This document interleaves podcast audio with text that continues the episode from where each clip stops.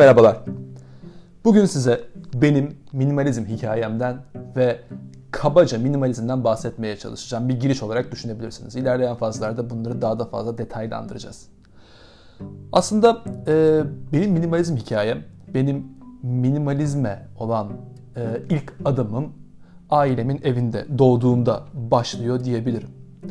Ta ki oradan İstanbul'a kadar bu süreç devam ediyor. Bugüne kadar devam ediyor. E, ben Ege'nin basit ve mütevazi taşrası Aydın'da doğdum. E, minimalizm tohumları ilk o dönemde atılmıştı. Çok basit bir şehirdi aslında. Beni büyüten, yetiştiren ailemin oldukça ufak bir hayatı vardı. Hep yeteni yaratmak için çabaladılar. Artmadı. Eğer arttıysa da bunu benim hayallerim ve kardeşimin hayalleri için biriktirdik hep. O yüzden hayal etmek ve mutlu olmak maddeden ve nesneden daha değerli oldu hep. Ve bunun önemini fark ettim. Bununla büyüdüm. O yüzden birbirimizi hep çok sevdik, dinledik, kolladık, anladık ve birbirimizin geleceği için hayaller kurduk. Hep en güzeliyle besledi annem bizi. Daha güzelini anneannem bizler için yetiştirdi. Hep bize yeteni, bizi doyuracak olanı yedik. Aslında bolluğu toprakta ve üretimde gördük hep. O yüzden çok samimi bir şekilde gerçek lezzetlerle büyüdüm diyebilirim. Çizmeyi hep çok sevdim. O yüzden bir mimar olmak istedim. Ve hayalimin peşinden koşup İstanbul'a kadar geldim. Mimarlık okudum. Asıl bana fark katan yer de aslında bu mimarlık oldu. Çok güzel arkadaşlarım, çok güzel dostlarım oldu. Çok iyi hocalarım oldu. Bizi çok iyi yetiştirdiler. Ve asıl minimalizmin tohumlarını üniversitede aldım. Mimarlıkla birlikte minimalizmi öğrendim. Hala unutamıyorum. O bir derste Tado Ando'nun e, çok özel ve yalın bir kilisesi vardır. O kiliseyi gördüğüm anı. Süslemesi yoktu, detayı yoktu. Gereksiz elemanlar. Hiçbir şey yoktu. Çok basitti. Detaylardan arınmıştı. Ve esas nokta fonksiyonelliği ve arka tarafındaki kavramı çok iyi anlatıyordu bu bina.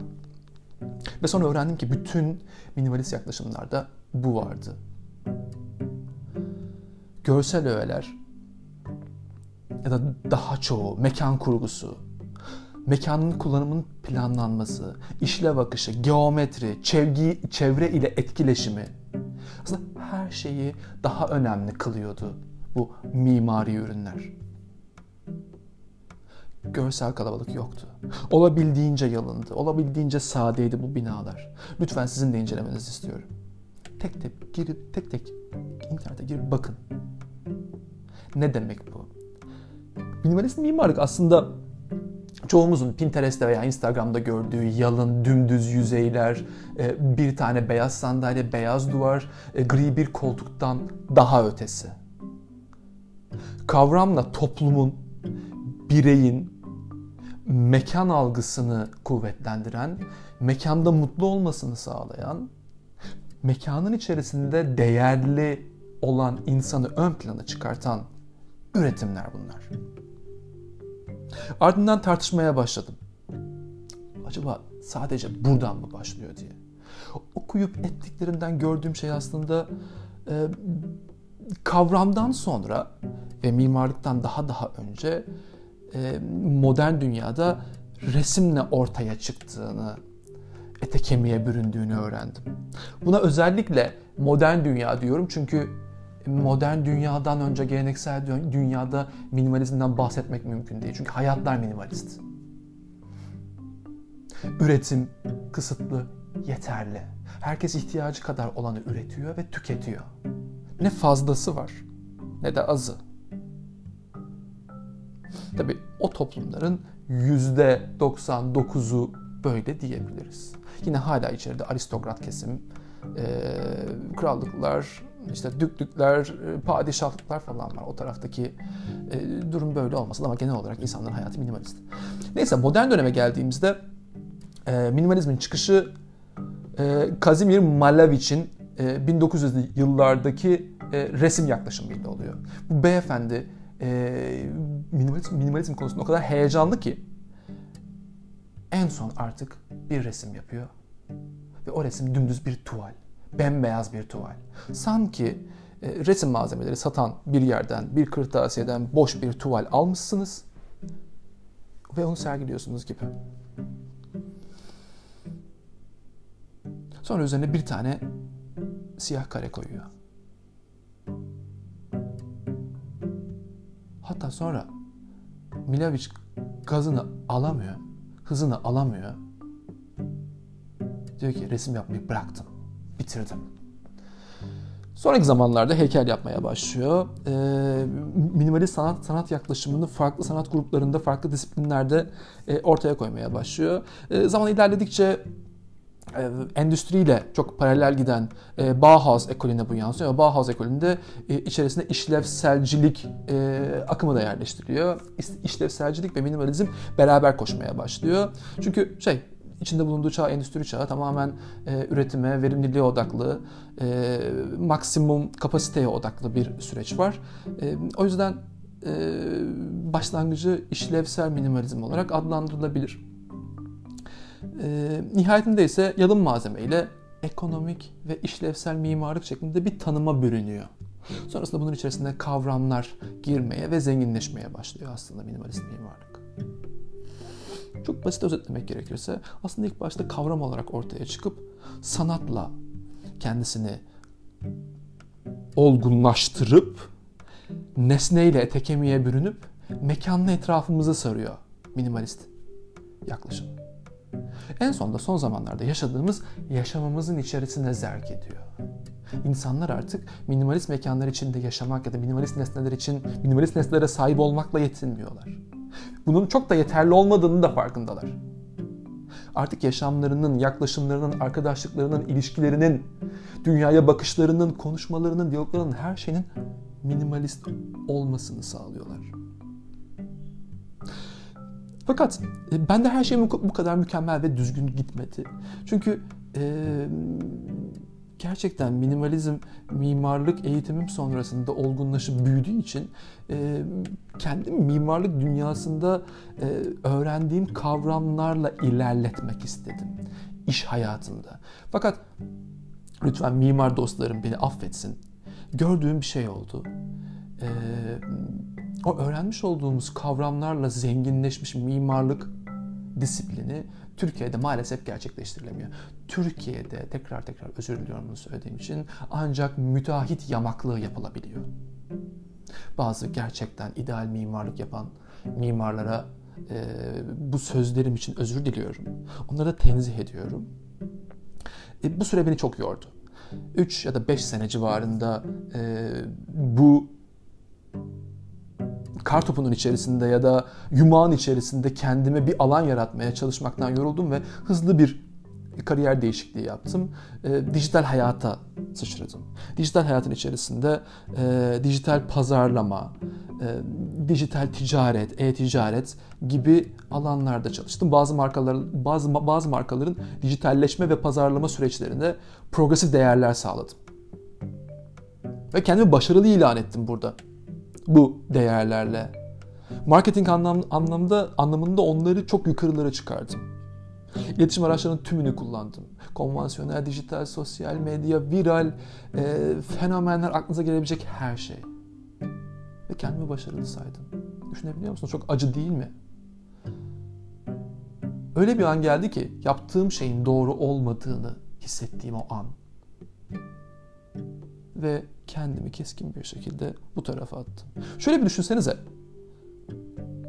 Kara Cuma, 11-11 indirimleri, Dünya Ruj günü, sana X indirim, 3 alana 1 bedava, Ananeler günü, Kukiler şenliği, sezon indirimleri, viraller, ünlüler, fenomenler. Bitmiyor bu bombardıman. Her anında bize bir şeyler söylüyorlar. Bizi bir yere itiyorlar.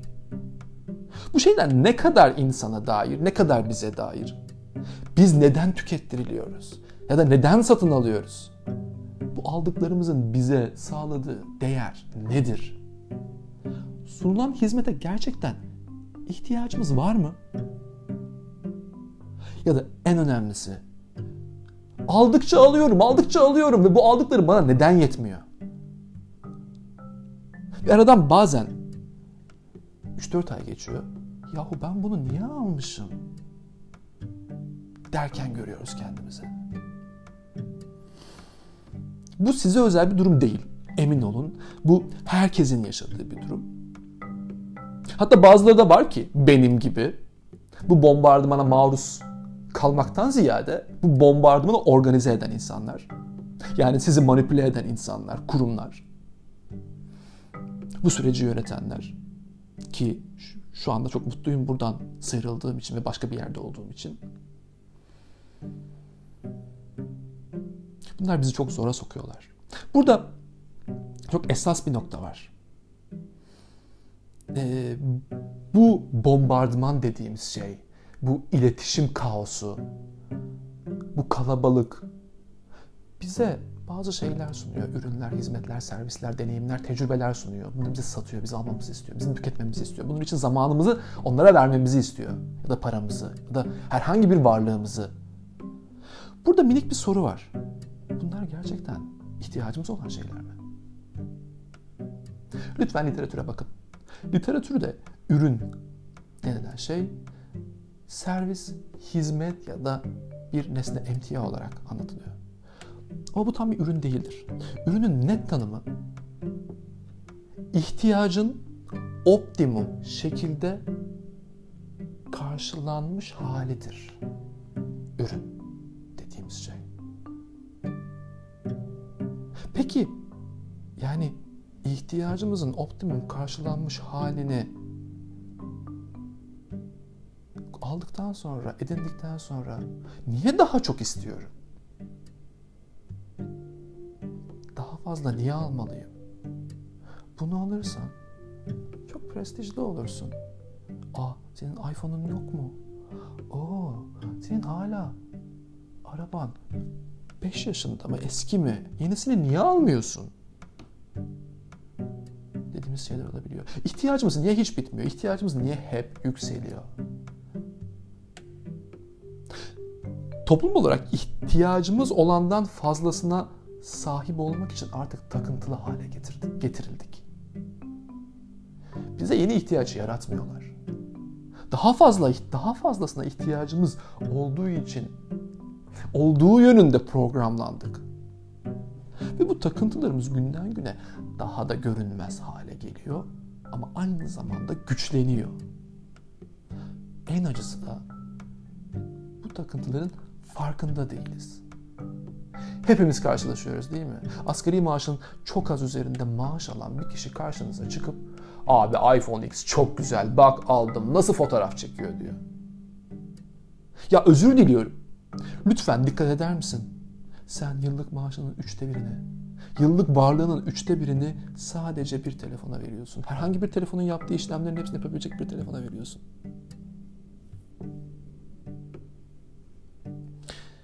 Bu beni çok üzüyor.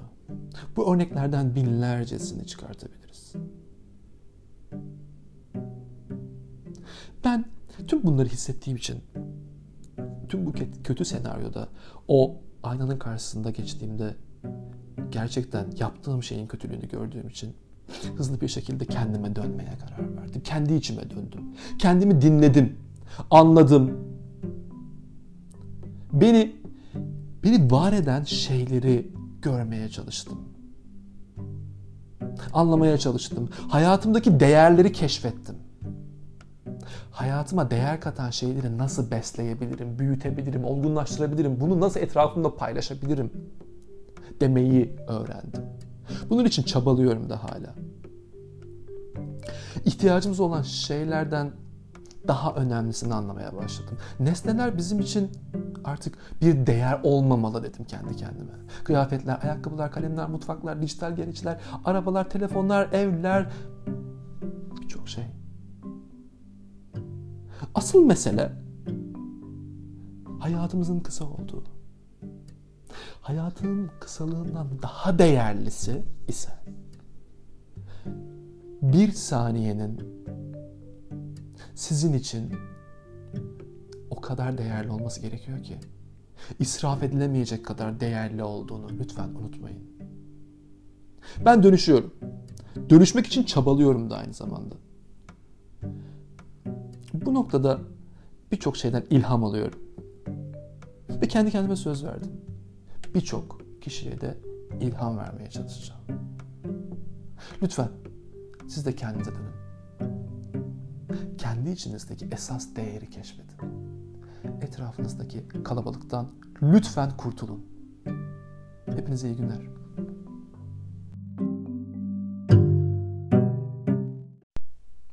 Herkese merhabalar. Bugün size basit yaşam ve minimalist yaşam arasındaki farktan biraz bahsetmeye çalışacağım. Çoğu zaman herkes e, benim basit bir hayatım var. Ben de minimalistim diye biliyorlar.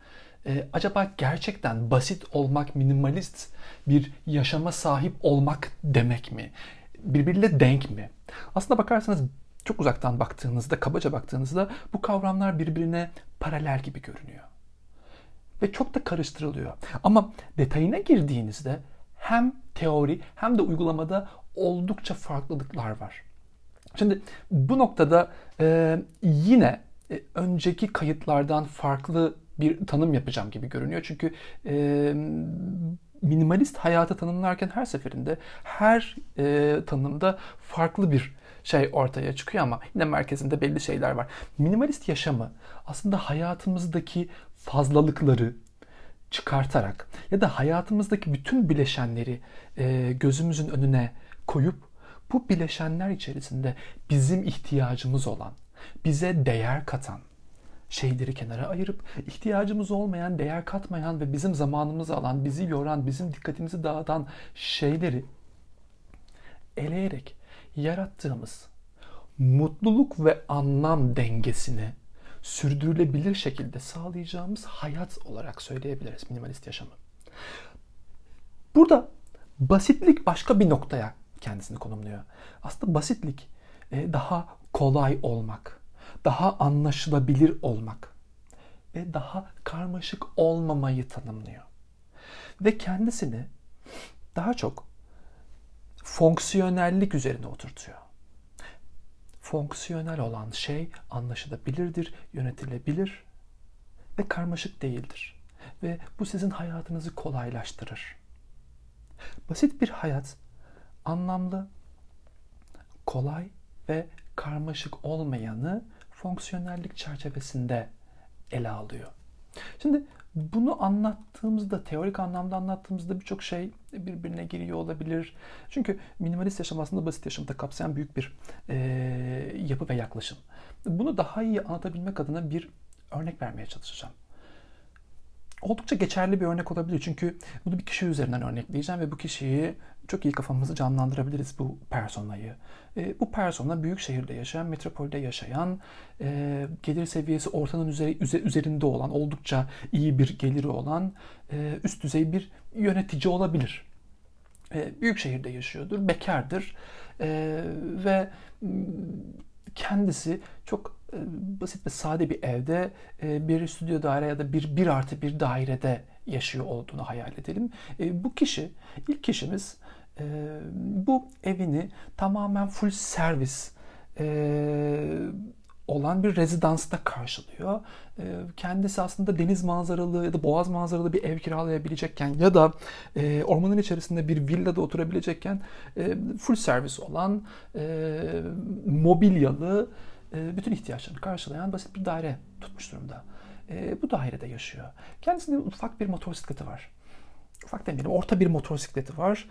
Ee, istediği zaman hızlı gidebilen, istediği zaman yavaşlayabilen, güvenlik seviyesi yüksek bir motosiklet. Aynı zamanda e, ekonomik gelir seviyesi bu motosikletin üzerinde bir motosiklet satın almasına da izin verebiliyor.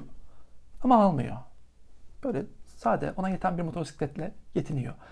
Aynı zamanda e, yaklaşık 8-10 yaşında e, bir arabası olduğunu hayal edelim bu kişinin. E, kilometresi yüksek, e, motosikletinde binemediği durumlarda ya da çok uzun seyahatlerde motosiklete binmek istemediği zamanlarda kilometresi yüksek 8-10 yaşlarındaki bu arabasına biniyor. Ama aynı zamanda bu kişi e, bir BMW ya da Mercedes ya da herhangi bir spor araba alabilecek yeteneği var ama bu tercih etmiyor. E, günlük hayatında ise çok basit e, diyebileceğimiz sade parçalarla giyinmeyi tercih ediyor. Birkaç renk etrafında dolaşıyor.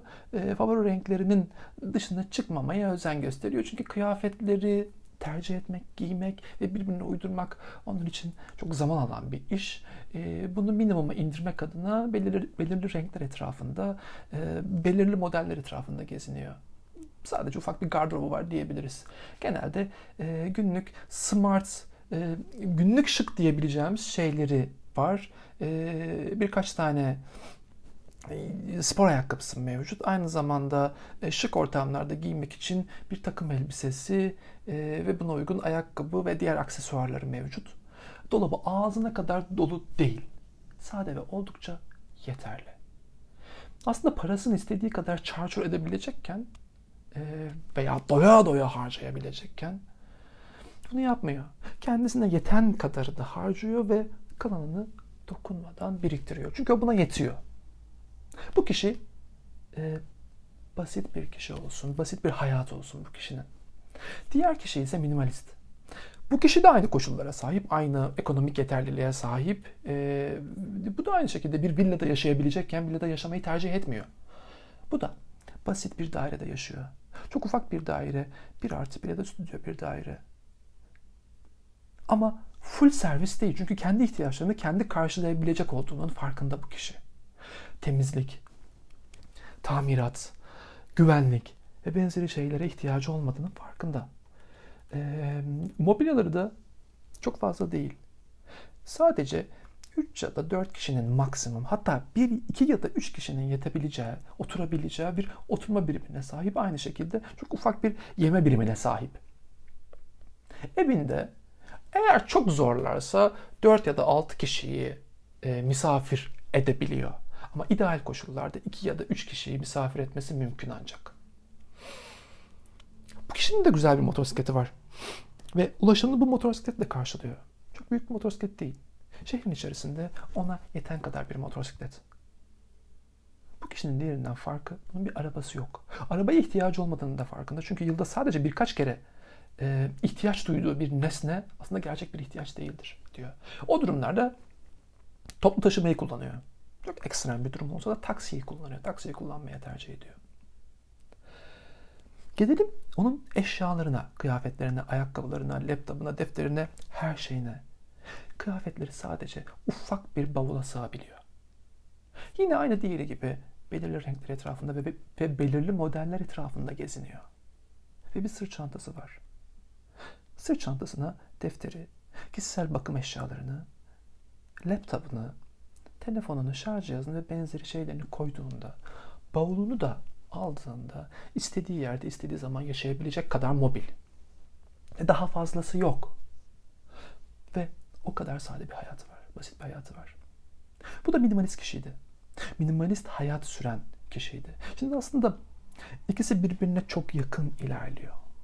Basit kişi genelde tanımladığı ya da tanımlanmış olan fonksiyonlar üzerinde kendisine bir denklem kurmuş hayatıyla ilgili. Minimalist kişi ise tüm sunulan e, denklemleri ve fonksiyonları bir kenara koyup kendi hayatıyla ilgili fonksiyonları belirleyip kendisine değer katan nesneleri, kendisine değer katan şeyleri kendisine almış ve içselleştirmiş.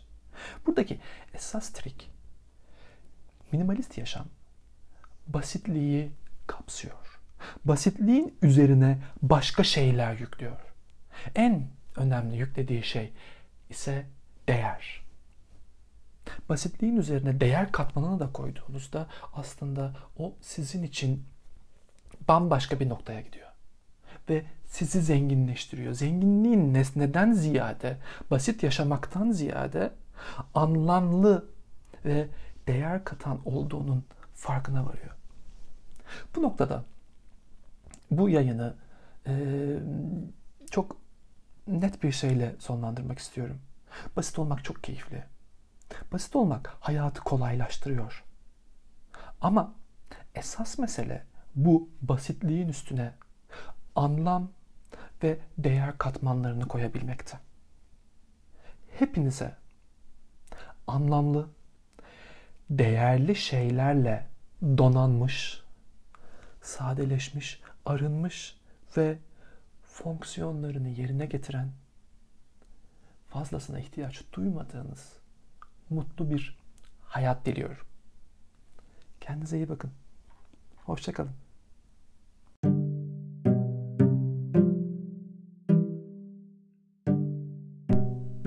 Herkese merhabalar.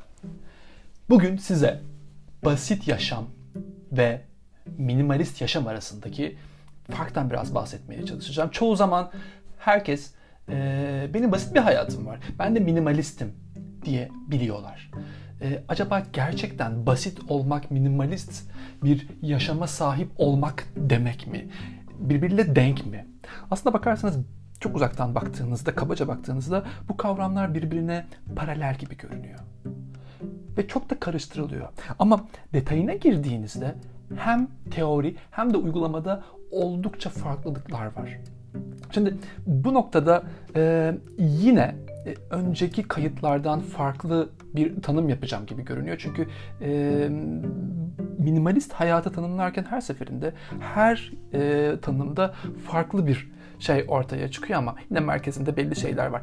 Minimalist yaşamı aslında hayatımızdaki fazlalıkları çıkartarak ya da hayatımızdaki bütün bileşenleri e, gözümüzün önüne koyup bu bileşenler içerisinde bizim ihtiyacımız olan, bize değer katan şeyleri kenara ayırıp ihtiyacımız olmayan, değer katmayan ve bizim zamanımızı alan, bizi yoran, bizim dikkatimizi dağıtan şeyleri eleyerek yarattığımız mutluluk ve anlam dengesini sürdürülebilir şekilde sağlayacağımız hayat olarak söyleyebiliriz minimalist yaşamı. Burada basitlik başka bir noktaya kendisini konumluyor. Aslında basitlik e, daha kolay olmak, daha anlaşılabilir olmak ve daha karmaşık olmamayı tanımlıyor. Ve kendisini daha çok fonksiyonellik üzerine oturtuyor. Fonksiyonel olan şey anlaşılabilirdir, yönetilebilir ve karmaşık değildir. Ve bu sizin hayatınızı kolaylaştırır. Basit bir hayat anlamlı, kolay ve karmaşık olmayanı fonksiyonellik çerçevesinde ele alıyor. Şimdi bunu anlattığımızda, teorik anlamda anlattığımızda birçok şey birbirine giriyor olabilir. Çünkü minimalist yaşam aslında basit yaşamı da kapsayan büyük bir e, yapı ve yaklaşım. Bunu daha iyi anlatabilmek adına bir örnek vermeye çalışacağım oldukça geçerli bir örnek olabilir. Çünkü bunu bir kişi üzerinden örnekleyeceğim ve bu kişiyi çok iyi kafamızı canlandırabiliriz bu personayı. E, bu persona büyük şehirde yaşayan, metropolde yaşayan, e, gelir seviyesi ortanın üzeri, üzerinde olan, oldukça iyi bir geliri olan, e, üst düzey bir yönetici olabilir. E, büyük şehirde yaşıyordur, bekardır e, ve kendisi çok e, basit ve sade bir evde e, bir stüdyo daire ya da bir bir artı bir dairede yaşıyor olduğunu hayal edelim. E, bu kişi, ilk kişimiz bu evini tamamen full servis olan bir rezidansta karşılıyor. Kendisi aslında deniz manzaralı ya da boğaz manzaralı bir ev kiralayabilecekken ya da ormanın içerisinde bir villada oturabilecekken full servis olan mobilyalı bütün ihtiyaçlarını karşılayan basit bir daire tutmuş durumda. Bu dairede yaşıyor. Kendisinde ufak bir motosikleti var ufak demeyelim orta bir motosikleti var. Ee, istediği zaman hızlı gidebilen, istediği zaman yavaşlayabilen, güvenlik seviyesi yüksek bir motosiklet. Aynı zamanda e, ekonomik gelir seviyesi bu motosikletin üzerinde bir motosiklet satın almasına da izin verebiliyor. Ama almıyor. Böyle sade ona yeten bir motosikletle yetiniyor. Aynı zamanda e, yaklaşık 8-10 yaşında e, bir arabası olduğunu hayal edelim bu kişinin. E, kilometresi yüksek, e, motosikletinde binemediği durumlarda ya da çok uzun seyahatlerde motosiklete binmek istemediği zamanlarda kilometresi yüksek 8-10 yaşlarındaki bu arabasına biniyor. Ama aynı zamanda bu kişi e, bir BMW ya da Mercedes ya da herhangi bir spor araba, araba alabilecek yeteneği var ama bunu tercih etmiyor. E, günlük hayatında ise çok basit e, diyebileceğimiz sade parçalarla giyinmeyi tercih ediyor. Birkaç renk etrafında dolaşıyor. E, favori renklerinin dışına çıkmamaya özen gösteriyor. Çünkü kıyafetleri tercih etmek, giymek ve birbirine uydurmak onun için çok zaman alan bir iş. E, bunu minimuma indirmek adına belirli, belirli renkler etrafında, e, belirli modeller etrafında geziniyor sadece ufak bir gardırobu var diyebiliriz. Genelde e, günlük smart, e, günlük şık diyebileceğimiz şeyleri var. E, birkaç tane e, spor ayakkabısı mevcut. Aynı zamanda e, şık ortamlarda giymek için bir takım elbisesi e, ve buna uygun ayakkabı ve diğer aksesuarları mevcut. Dolabı ağzına kadar dolu değil. Sade ve oldukça yeterli. Aslında parasını istediği kadar çarçur edebilecekken veya doya doya harcayabilecekken bunu yapmıyor. Kendisine yeten kadarını harcıyor ve kalanını dokunmadan biriktiriyor. Çünkü buna yetiyor. Bu kişi e, basit bir kişi olsun, basit bir hayat olsun bu kişinin. Diğer kişi ise minimalist. Bu kişi de aynı koşullara sahip, aynı ekonomik yeterliliğe sahip. E, bu da aynı şekilde bir villada yaşayabilecekken villada yaşamayı tercih etmiyor. Bu da basit bir dairede yaşıyor. Çok ufak bir daire, bir artı bir ya da stüdyo bir daire. Ama full servis değil. Çünkü kendi ihtiyaçlarını kendi karşılayabilecek olduğunun farkında bu kişi. Temizlik, tamirat, güvenlik ve benzeri şeylere ihtiyacı olmadığının farkında. E, mobilyaları da çok fazla değil. Sadece 3 ya da 4 kişinin maksimum hatta 1, 2 ya da 3 kişinin yetebileceği, oturabileceği bir oturma birimine sahip. Aynı şekilde çok ufak bir yeme birimine sahip. Evinde eğer çok zorlarsa 4 ya da 6 kişiyi e, misafir edebiliyor. Ama ideal koşullarda 2 ya da 3 kişiyi misafir etmesi mümkün ancak. Bu kişinin de güzel bir motosikleti var. Ve ulaşımını bu motosikletle karşılıyor. Çok büyük bir motosiklet değil. Şehrin içerisinde ona yeten kadar bir motosiklet. Bu kişinin diğerinden farkı onun bir arabası yok. Arabaya ihtiyacı olmadığını da farkında. Çünkü yılda sadece birkaç kere e, ihtiyaç duyduğu bir nesne aslında gerçek bir ihtiyaç değildir diyor. O durumlarda toplu taşımayı kullanıyor. Çok ekstrem bir durum olsa da taksiyi kullanıyor. Taksiyi kullanmaya tercih ediyor. Gelelim onun eşyalarına, kıyafetlerine, ayakkabılarına, laptopuna, defterine, her şeyine. Kıyafetleri sadece ufak bir bavula sığabiliyor. Yine aynı diğeri gibi belirli renkler etrafında ve, ve belirli modeller etrafında geziniyor. Ve bir sırt çantası var. Sırt çantasına defteri, kişisel bakım eşyalarını, laptopunu, telefonunu, şarj cihazını ve benzeri şeylerini koyduğunda, bavulunu da aldığında istediği yerde istediği zaman yaşayabilecek kadar mobil. Ve daha fazlası yok. Ve o kadar sade bir hayatı var. Basit bir hayatı var. Bu da minimalist kişiydi. Minimalist hayat süren kişiydi. Şimdi aslında ikisi birbirine çok yakın ilerliyor. Basit kişi genelde tanımladığı ya da tanımlanmış olan fonksiyonlar üzerinde kendisine bir denklem kurmuş hayatıyla ilgili. Minimalist kişi ise tüm sunulan e, denklemleri ve fonksiyonları bir kenara koyup kendi hayatıyla ilgili fonksiyonları belirleyip kendisine değer katan nesneleri, kendisine değer katan şeyleri kendisine almış ve içselleştirmiş. Buradaki esas trik minimalist yaşam basitliği kapsıyor. Basitliğin üzerine başka şeyler yüklüyor. En önemli yüklediği şey ise değer. Basitliğin üzerine değer katmanını da koyduğunuzda aslında o sizin için bambaşka bir noktaya gidiyor.